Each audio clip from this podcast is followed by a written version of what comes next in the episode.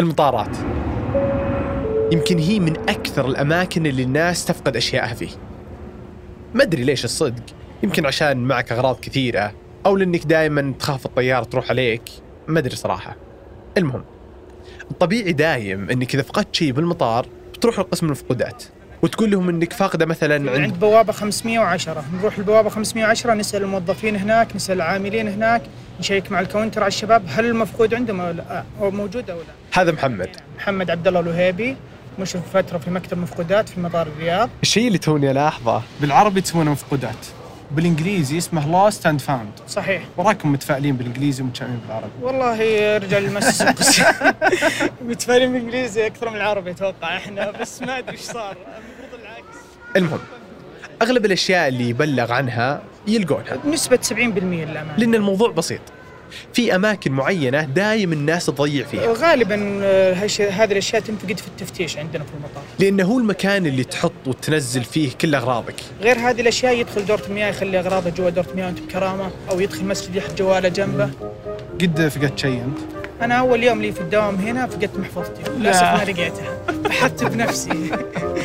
هذا ترى موجود البلاغ عندنا في النظام إلى الآن لا سنتين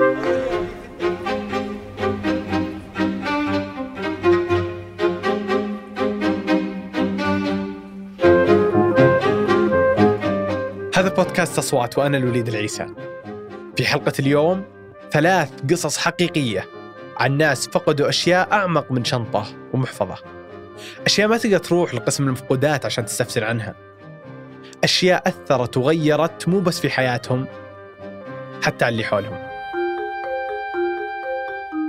القصة الأولى ذهاب بدون عودة. في أولى ابتدائي أنا كنت آه، كيف ما يقولون بكاية بكاية كنت بكاية. طيب هذا عبد الرحمن الجابري. حضرمي وعايش طول عمره في أبها. آه، أنا درست وكنت أصغر طالب في الفصل. كسن. عبد الرحمن ما كان بكاية عشان أصغر واحد.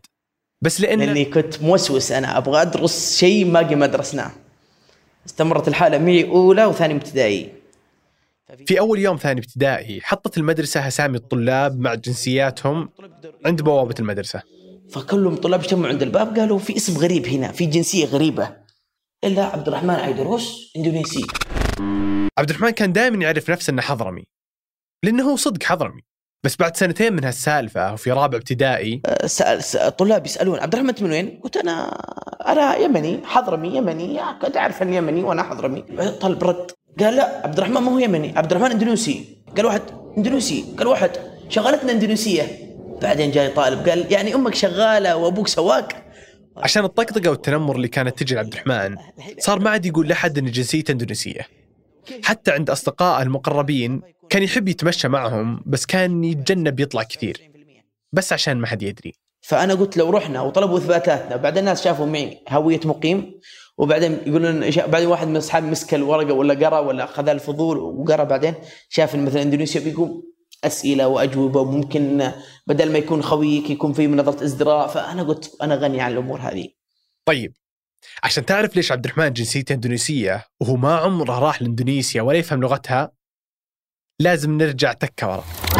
Nama saya Aidrus Ahmad, lahir di Jakarta, Mangga Besar, Empat Air. اسمي عيدروس من مواليد جاكرتا. وكنت ساكن في حي مانجا بسار.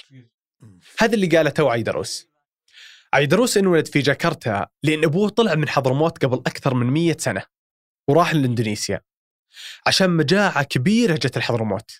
بعد 26 سنة من حياة أبوه في إندونيسيا انولد عيدروس ولادي عام س- آه، 60 ولادي 60 من مواليد جاكرتا يسمونه مانجا بسار. مانجا. هذا اسم معنا مشهور عندنا في إندونيسيا. مانجا كبير معنا كنت أنا فتوة في معنا أسوي آه، معنا مع الطلاب. كلهم يخافون مني. المصريين يقولون فتوة. فتوة يعني شقي وراعي مشاكل. نحن يسمونه في إندونيسيا جاكوان. تقريبا من عام آه، من 67 إلى ثلاث سنوات كله فتوه كلهم يخافون مني. بعد الثلاث سنوات هذه ولما كان عمر عيدروس عشر سنوات قال له أبوه إنه لازم يرجع لحضرموت. عشان الجماعة كلموه وقالوا لازم يصير لك مرسول أو ممثل لعائلتك عندنا. فأرسل الشقي عيدروس وصلنا حضرموت ولا كلمة عندنا لغة عربية. شفت أرض ولا أرضي؟ ما فيش على الخيال أبوي بيعطانا إياه ما فيش ولا واحد في المية. وأنا أبكي شهرين. بغيت برجع. أبكي. الأكل ما في أكل خبز ذرة وبر. ما فيش غيرها. رز غدا بس. غيره ما فيش. ما في دام ولا جبنة ولا قشطة ولا أي شيء ما فيش. جينا أيام الصيف يوصل خمسين درجة. الجزمة حق الله عزك يذوب من كثر حرارة ال- اللي عندنا الرمل.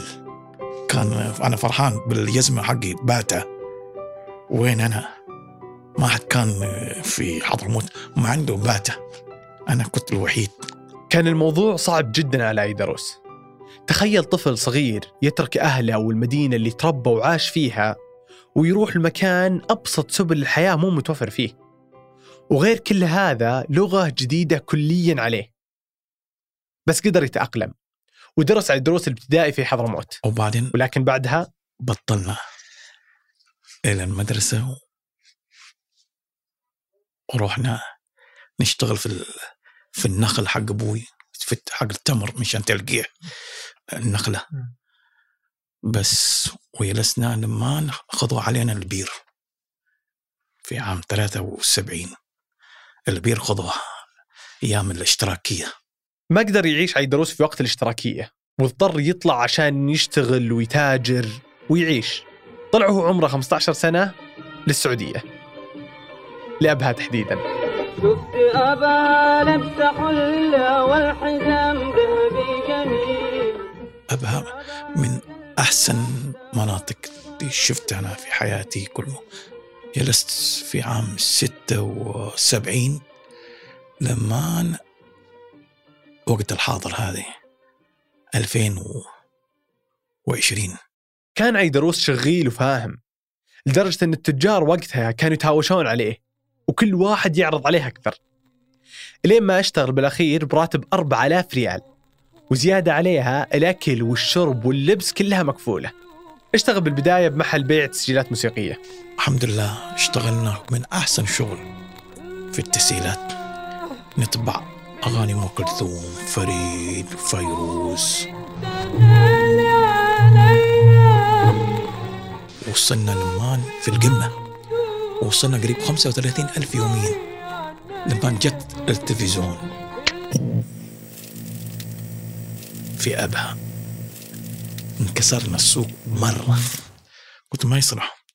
ناس فتحوا تلفزيونات ودا قال يلا يجيب تلفزيونات. اشتغلنا في التلفزيونات. قدر عيدروس إنه يجمع له كم قرش وقرر إنه يزور فيها إندونيسيا. قلت لازم بزور أمي وأبوي. من آه، من إندونيسيا إلى حضرموت إلى السعودية. عشر سنوات. وصل ما عيدروس شفتهم أهلي. واستقبلوه اهله وكانوا كلهم سعيدين ومبسوطين بشوفة بعض. آه، بكى وفرح وحزن. أنت شايف كنت أنا أبوي بعيد منه شوي أمي أكثر. كان أبوي كان دائما أي شيء غلطة ضرب. أمي حن علي. أبو عيدروس ما كان يتكلم إندونيسي بشكل جيد. وعشان كذا كان بعيد شوي عن عياله. بس بعد ما تعلم عيدروس عربي تغيرت هالعلاقة. يوم وصلت في آه في الصور حبيت أبوي. تكلمنا لغة عربية. ارتحت له. ويعطينا كلام الحلو وقصص. كان عيدروس مبسوط في إندونيسيا. عزايم بكل وقت عشانه وكل الناس تحبه ومشتاقة له. والله أنا في حضرم في إندونيسيا كنت أنا ما قال ذاك كينج في إندونيسيا. كنت أنا ملك في إندونيسيا. فلوس معي دولارات. عشيهم سينما رحلات معنا حدايق آه، أي شيء. وبعدين السينما أحيانا أنا ما أدفع فلوس. جاري يملك آه، 21 هذا عنده 105 سينما. جاري صيني. تذاكر ذا كل أصحابي مجانا من عندي. بس مع كل هذا عيدروس كان مرة يحب أبها ومتعود عليها. بالسعادة والكينج ولا هذا وال كلهم حوالي قعدت شهرين كلهم في إندونيسيا. ضقت. بكيت من صوت ابها فرحت. وأنا خ... كان لي في خاطري. افتكت. هناك عز. كلهم لي تقدير لي. كلهم كذا حوالي. مشان عندي فلوس. رجع عيدروس السعودية. وبعد سنوات تزوج. وعاش في أبها كل حياته. والحمد لله. أول مولود أحمد. الحمد لله. بعدين س- سنة وسبع اشهر جانا محمد. وبعدين جت مروة. مروة من أجمل وحدة. وبعدين جاء عبد الرحمن. عبد الرحمن هذا هو اللي كان يقول قصته في البداية. عبد الرحمن عيدروس؟ وعيدروس هو أبوه. عاشوا كلهم مبسوطين في أبها أنا عارف أبها بشكل فظيع. لأن أبويا سكن في أبها تقريبا قرابة ال 43 سنة. تقدر تقول مكانة في قلبي بشكل مو هو مكانة في قلبي أنا مكانة في قلب أخواتي وأبويا. بس في عام 2017 جت قرارات غيرت حياة أسرة عيدروس الأمر الجديد هذه حق الرسوم ما رسوم بعد القرارات نبغى ندور وين نروح؟ نروح حضرموت. كان عندي خيار أفضل. تعرف خيار سهل الناس يتكلمون لغتك. راحوا الحضرموت وجلسوا شهر وكان وضع مأساوي جدا. لا كهرباء موجودة ولا إنترنت ومكان بدائي ما تعودوا عليه. فرجعوا لأبها. قلت له والله من بنروح؟ جاكرتا هناك عند عمامي. قالت لا لا والله ما أدري أنا خوفي من اللغة وكذا. قالت والله ما أدري أنا أنا حبيت أبها وإيه كل شيء هنا عندك. وقامت تمزح قالت حتى الفول التميس هنا كل كل صباح نفطره. بعدها بشهر هذا الكلام يعني توفت رحمة الله عليها. إذي أكبر ما أنا ضربة لي يوم توفت أم محمد خلاص اختلف توازني. أحيانا ما أشوف سيارة قدامي يوم أسوق. من كثر الضربة حزين مرة. ما أنا بس الحمد لله أنا كنت أعطيهم الحنان كلهم. أموت أنا ولا هي تموت مشان إيش؟ ما يحسون بالحزن. بعد ما توفت أم أحمد كان من الضروري أنهم يطلعون من السعودية خلاص. وما كان في خيار أنسب من إندونيسيا. مع أنها تعتبر بلد ولغة وناس غريبة بالكامل بالنسبة لعبد الرحمن إلا أنه راح الحالة لإندونيسيا عشان يشوف الوضع قبل ما يجون أخوانه وخواته أول ما وصلت إندونيسيا كان نزلنا رطوبة. فعرفت إن عمتي بتستقبلني وأنا عارف عماتي يعني. إلا تجي عمتي آه كيف أقول لك؟ ما كان في رياكشن كذا ردة فعل آه مناسبة للموقف. إلا قابل عمي الثاني. عمي الثاني حتى ما يبغى يسلم علي خدادي. كنت بائس آه ما عاد تتكلم لغتك. آه، وكأن الناس يحشون عليك فاهم؟ شوف شكله شوف لبسه والله ذا العربي يتكلم وذا إيش إيش يبغى كنت موضوع جدا أيام الابتدائي والمتوسط وموضوع جدا هنا في بلدي. جلس عبد الرحمن ست شهور بين أهله اللي ما يعرفهم. وبعدها جاء أبو عبد الرحمن وخواته لإندونيسيا. أنا بكيت من الفرحه ماني مصدق أخواتي جاوا. أخواتي وأبوي جاوا يعني ماني مصدق. تخيل أول يوم نزلوا فيه أخواتي عماتي قالوا لهم ليه من أنتم منقبات؟ ليه منقبات؟ هذا في السعودية هنا في إندونيسيا الانظمه غير لا تكون منقبات. هم بالعبايات وهم دون عبايات. ما في انسجام. يوم يروحون المول ولا نزهة ولا حديقة ولا أي شيء ما فيش ما في ترابط. انفصلوا. هم في وادي وهم في وادي. ما أنا ما حبوا إندونيسيا مرة. لما الحين يحبون أبها؟ التسجيل هذا كان مع عبد الرحمن وهو في إندونيسيا مع خواته في بيتهم الخاص ومع أبوه عيدروس هنا في الرياض. الهجرة كانت شيء ملازم لثلاث أجيال من العائلة. عبد الرحمن وأبوه عيدروس وحتى جده. عبد الرحمن خطته إنه يستقر في إندونيسيا. بس ما حد يدري إذا كان الجيل الرابع بيمر بموجة الهجرة من جديد. بعد أسبوع من تسجيلي مع عيدروس راح عشان يعيش مع أبنائه بشكل نهائي في إندونيسيا. وربك سهل إن شاء الله.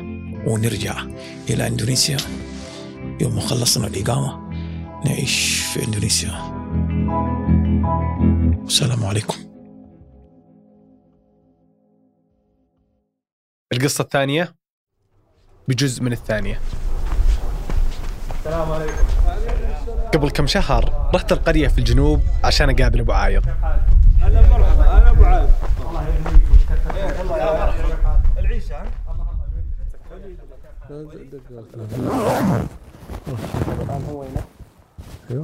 النبرة كويس كذا؟ أنا اسمع ها؟ نبرة كذا كويس في يوم اثنين ممطر قبل 60 سنة تقريبا محمد اللي هو أبو عايض كان ببيته وكان عندنا ضيف غريب والوالد آه، في سوق الاثنين. في بسكوت اسمه أبو بدرة قديم. هذا الكرتون. وفاضي بس إني أزعجت الضيف وأزعجت أخوي. سببت شوية يعني ربكه ألعب به سياره بيب ولا حبه كنت ألعب به وأتسلى فيه فاخذه وطشه مع الدريشة. أخوي وقال أسكت خلاص. فزاد البكاء بكاء. قمت قلت لازم لا أبكي لين تجيبه من برا من هناك جيبه عقاب لك جيبه منه. ما ما يمكن أسكت. في الوقت اللي كان محمد فيه يبكي والمطر ينزل كان في حمام متجمع في منطقة قريبة.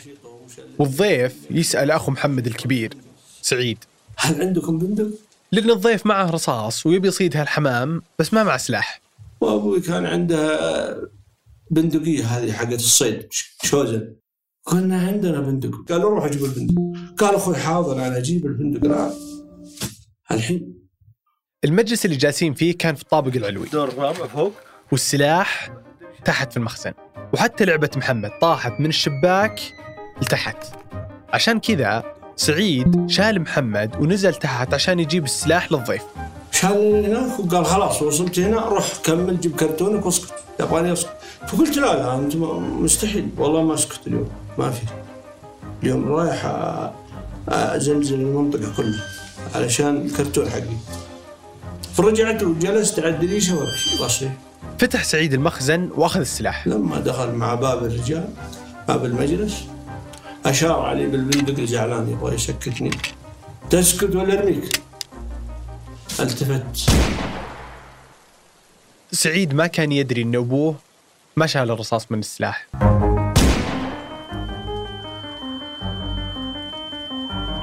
الوالدة كانت تضمني على صدرها وأنا أنزف. من الدم. من كثر ما نزفت عليها من الدماء بثوب ما استطعنا نفك ثوبها إلا بالمقص.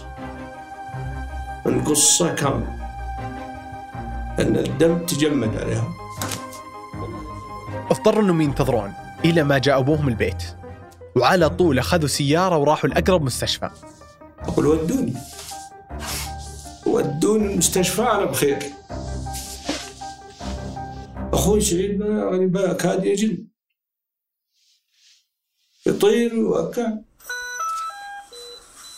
دخلت ال- العمليات يخيطوني وأنا أصيح. يعني آه، تلقى صوتي وألعنهم وأتكلم عليهم.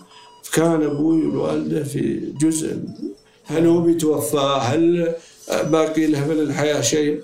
فكان أخوي يلف إلى قريب من عمليات ويسمعهم يلعنوا إني يلعنهم فيقول أبشركم عاد حي بس تكسرت نص أسناني راحت ثمانية أسنان راح بعض ال- الأنف راح آه، بعض العظام من أنفي الحمد لله لملم آه، الوجه من لملمة بسيطة أخذت سبع شهور في المستشفى.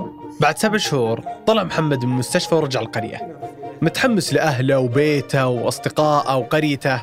خلاص الولد الجميل هذاك اللي كان في القرية صار مشوه هنا كانت الصدمة الأولى بالنسبة لمحمد. تفاجأ إن كل زملائه في المدرسة صاروا يضحكون عليه. كان بيصير بيني وبينهم صدام يقولون وجهك ويتسبوني وانت وجهك في كذا وانت وأنا ذاك اليوم خلاص طل جن جنوني. اللي الكبير أرجمه من بعيد وتصيده. والصغير أضربه لين يلزق بالقاع. وطالبوا قالوا لازم نودي ولدك. للشرطه هذا اذانا يقولون لأبوي يعني. ما قدرت اواصل لأني أضرب وأخاصم الناس اللي تقول علي وجهي شيء. ما قدرت أدرس ولا قدرت اواصل حتى. العرب دراسة. ويقول العلم في الصخر كالنقش في الحجر. كمل محمد علاجه في جدة ثم في الرياض.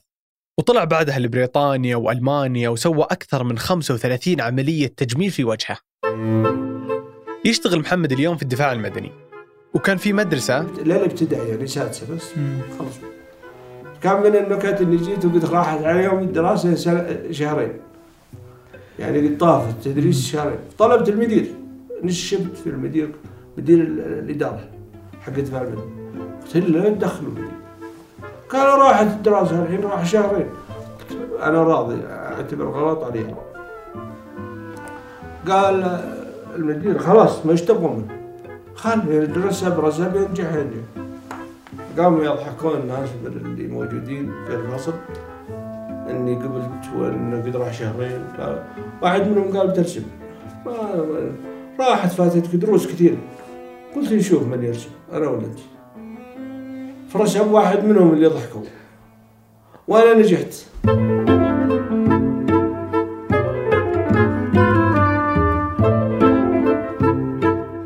بعد الفاصل. كيف تجتمع الأمور بعد نقطة تفرقة مفصلية؟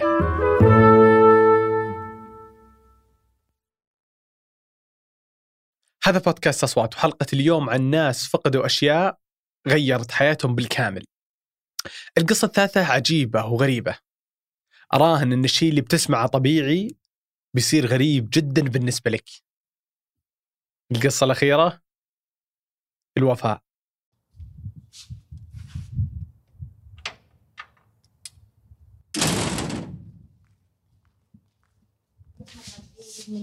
ما شاء الله.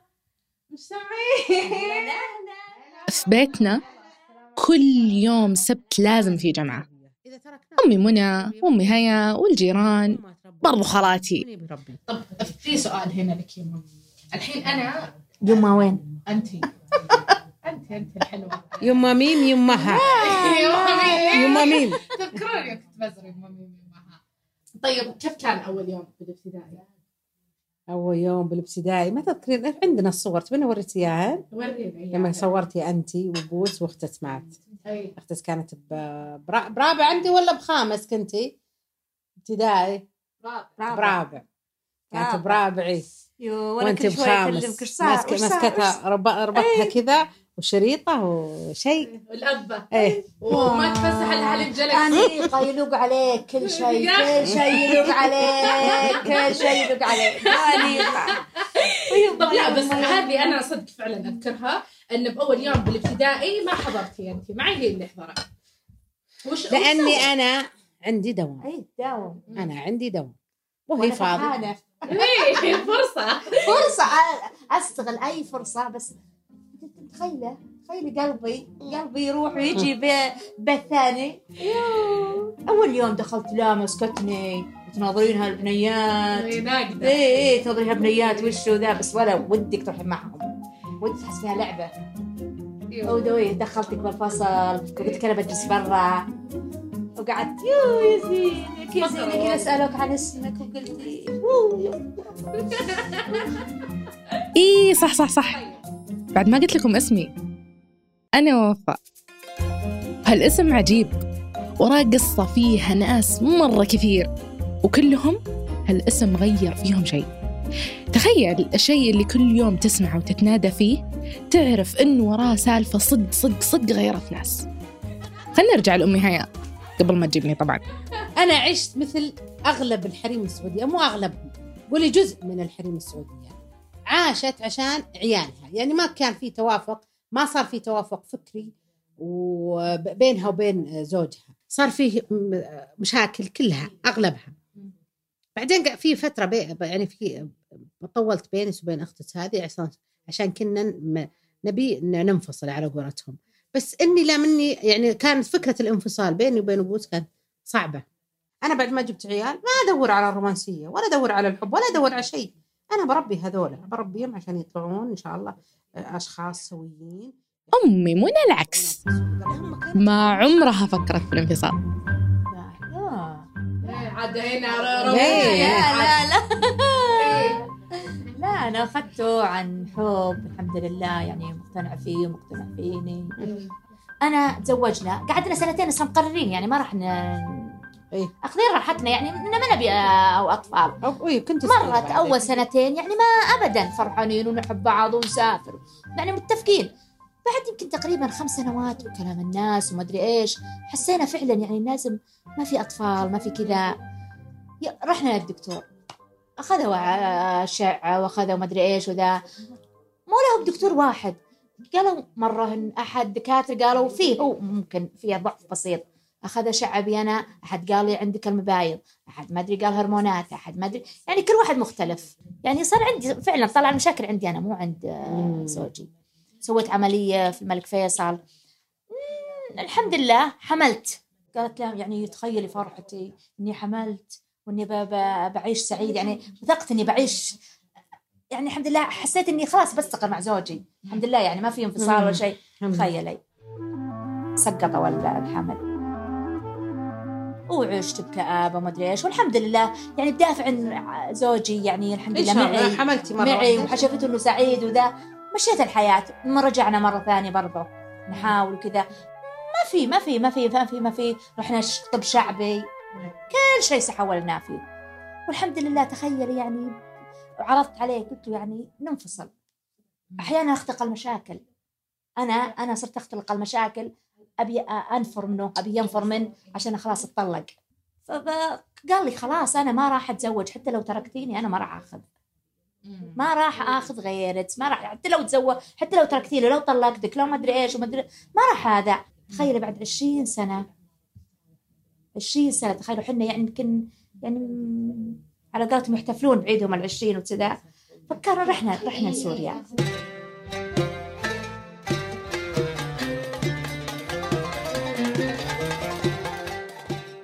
سويت فيه دكتورة ذكرت لنا. رحنا. وشافت أشعة أخذت معي كل الأشعة.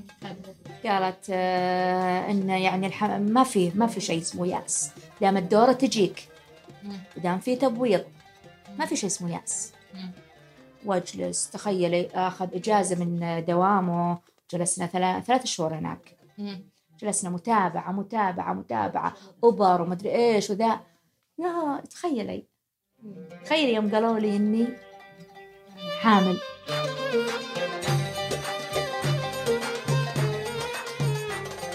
يو يو يو يو يو, يو. يعني ما تتخيلين الشعور اللي يعني حسيت إني ما ما أبغى أرجع. ودي أجلس بسوريا أحس إني لو برجع يبي ينزل الجنين. أحس إني حبيت سوريا.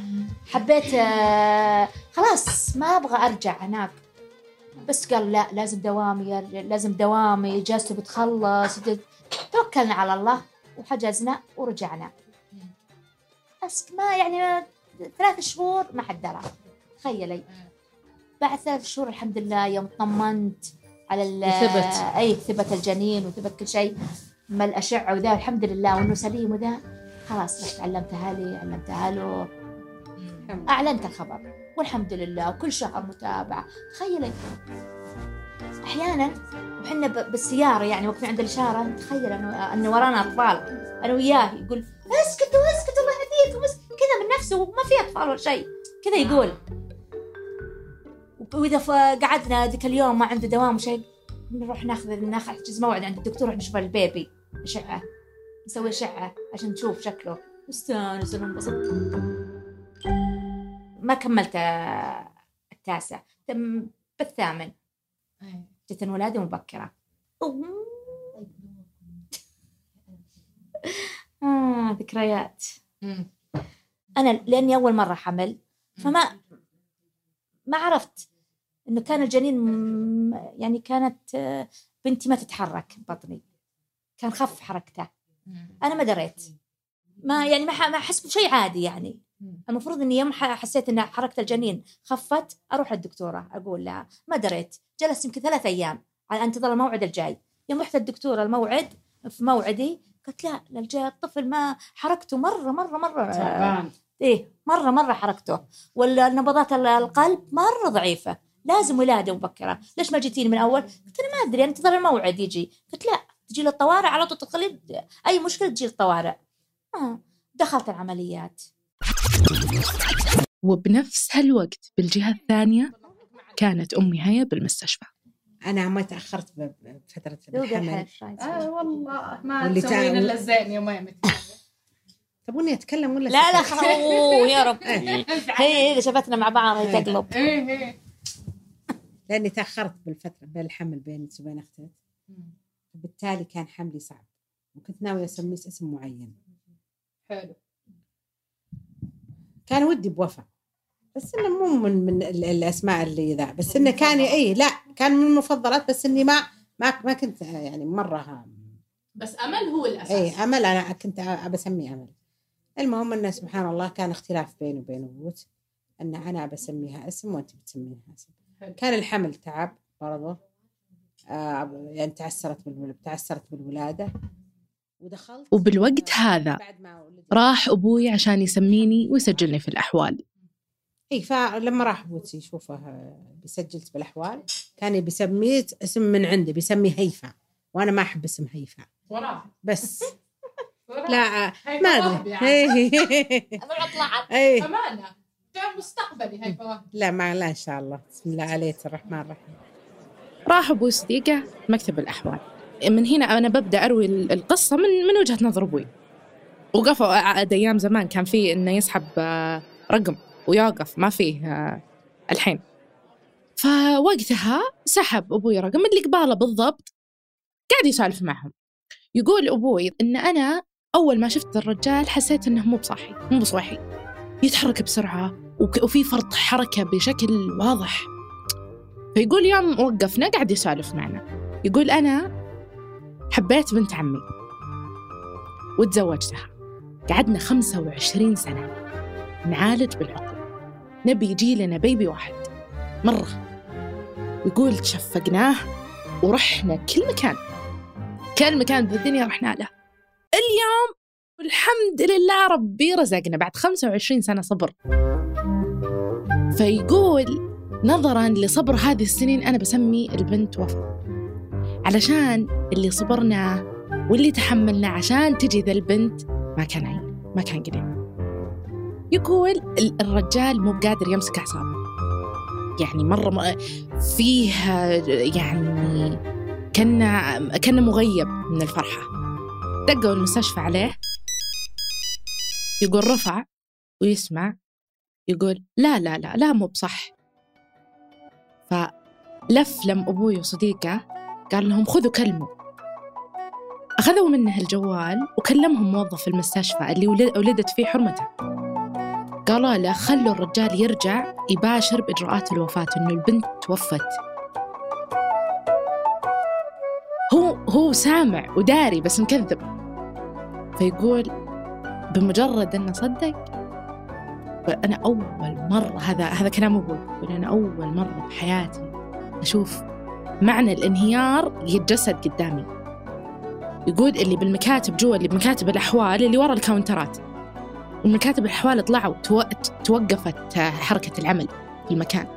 علشان يعني عشان في حالة طوارئ قاعدة تصير. فانهار الرجال قدامه وتعب مرة. الحين برجع لأمي منى بعد ما دخلت العمليات. دخلت العمليات. صحيت. صحيت وأنا بنتي يا البنت يا بنت يا بنت يا البنت يا البنت. ما ما في أشوف زوجي أشوف آه، أم زوجي أمي بس مو بهذا وجيههم. وجيههم متغيرة. أنا قلت أول شيء يمكن إنهم عشاني يعني خايفين علي. هو ما ادري إيش وما ادري إيش والبنت وإذا جبت البنت ما يحاولون ما يردون علي. يوم ذا جاء لما الدكتور مع زوجي وقال لي آه، قال إن ال- البنت صار لها مضاعفات وانها الله يعني الحمد لله إنها أنا انهرت. بن- كلامه بنفس نص الكلام أنا انهرت ما تحملت. صارخت وقطعت الاجهزه وما أدري إيش قلت أنتم اللي موتوا بنتي أنتم اللي ما أدري إيش أنتم. يعني انهرت. عشت يمكن جلست 10 أيام في المستشفى. مسكنات. لما أصحى أبدأ صارخ صارخ يعطون مسكن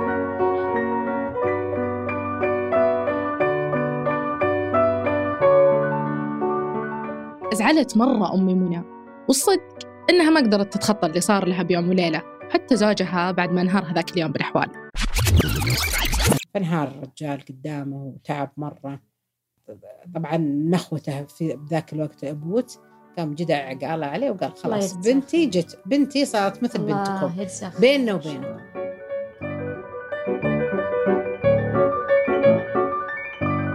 وبيوم الأحوال هذاك بعد ما أبوي جدع عقاله وقال له إنه بنتي هي بنتك رجع لزوجته في المستشفى اللي هي أم هيا عشان يعلمها. يوم إنه جاء قال لي ابوت بالمستشفى قال إنها سالفة كذا وكذا وإنهم اني البنت قلت لها يعني تصير بيننا وبينكم قلت لا من قال لك. على كيفك بنتي أنا اللي جايبة. مشاكل؟ اي مشاكل. وأنا أصلا كنت تعبانة تعبانة جدا يعني من فعلا. فعلا هو إيه. صح شو رد قال لا أنت ما تدرين المره. مسكينة وتعبت وما أدري لا وش ولا. فعل طبيعية فقال لي خلاص بس انت روحي شوفيها وتعرفي عليها. يعني يوم من بكرة رحت لمها وشفتها أول ما شفتها يعني فعلا رحمتها مسكينة. يعني ربي ما أعطاها. وأعطانا الحمد لله رب العالمين. ولا عندها أحد وأنا وأنا أم محاسه ب- ب- بالأمومة وذا تفقد بنتها اللي قاعدة تتأمل وتتحراها لمدة تسعة شهور وفجأة فقدتها وتعبانة نفسيا وذا. وأنا أساسا أنا أساسا تعبانة. وأنا من النوع اللي ما ما يدر حليبي ما ما, ما فيني حليب يعني. لما أصحى أبدأ صارخ صارخ. يعطوني مسكن أرجع أنام. يعطوني لحد ما الله قمت بذاك اليوم وصرت بنية جنبي. قلت هذه بنتي تكذبون علي أنتم ليش تسوون بي كذا حرام عليكم. هذه بنتي عايشة. طيب ولا ليش ليش تكذبون علي يعني؟ قالوا لا إن هذه هذه مثل بنتي. صار على واتساب بنتي. صار بنتي راحت بس هذه بنتي الثانية جدت. لا بنتي هذه بنتي. قالوا لا هذه مو بنتي هذه بنتي صلى عوضها بس يعني راحت هذيك الله أعطتها البنية ذي. أنت وش قلت لا شيلوها شيلوا ما أبيها؟ يوم قالوا إنه هذه مو بنتي قلت لا ما أبيها خلاص شيلوها أنا فرحت أول شيء حسبها أنت بنتي يعني. قلت لا لا لا ما ابي خلاص شيلوها ما أدري. ما أبيها أبي بنتي. أنا ما اقتنعت إنها تموت يعني كل هالفترة عايشه ببطني. كذا بلحظة تموت قالوا جابوا لي هالبنت. كل شوي يجيبونها لي. هالبنية الصغيرة ذي. كنت اشقول لهم شيلوا شو يوم صار الم ذا جبتها للسيستر الدكتورة اللي كانت تعطينا الأوبر قالت حاولي حاولي ترضى يعني رضعيها يعني حرام. أعطيتها من أول رضعة. ما تتخيلين شيء حتى وجه البنت تغير حتى وجه البنت تغير. شفتوا شيء؟ شفتوا ملاك؟ شفتوا آه، ما أدري. بديت خلاص. هذه بنتي.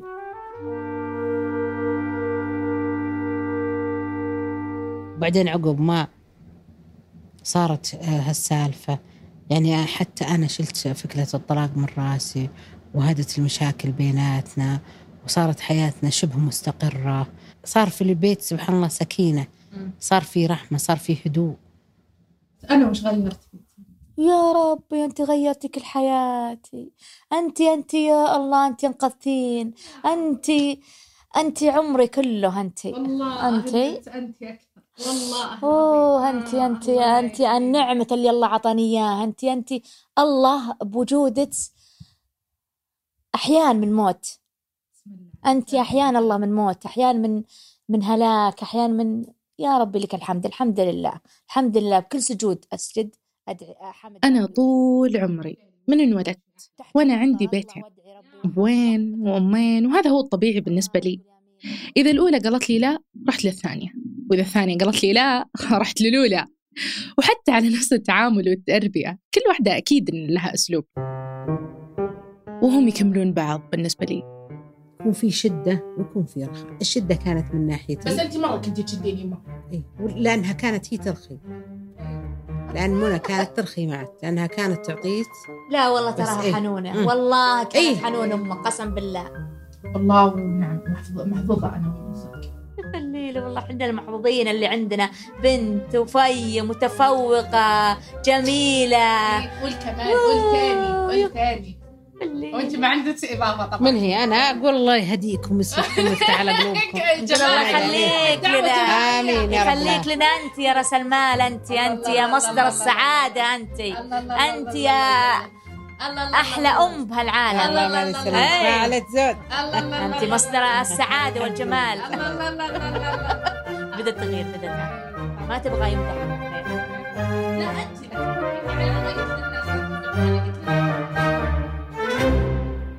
خلاص سكيتي سكي شوي. أنتج وحرر هذه الحلقة من أصوات أنا الوليد العيسى وسمر سليمان. ساعد في إنتاجها عبد الرحمن أبو مالح روان الفريح ثمود بن محفوظ أسيل با عبد الله ونوف الحربي وهندسها صوتيا محمد الحسن. لو عندك قصة ولا تجربة مريت فيها وحاب تشاركها هنا في بودكاست أصوات راسلنا على أصوات at ثمانية dot com.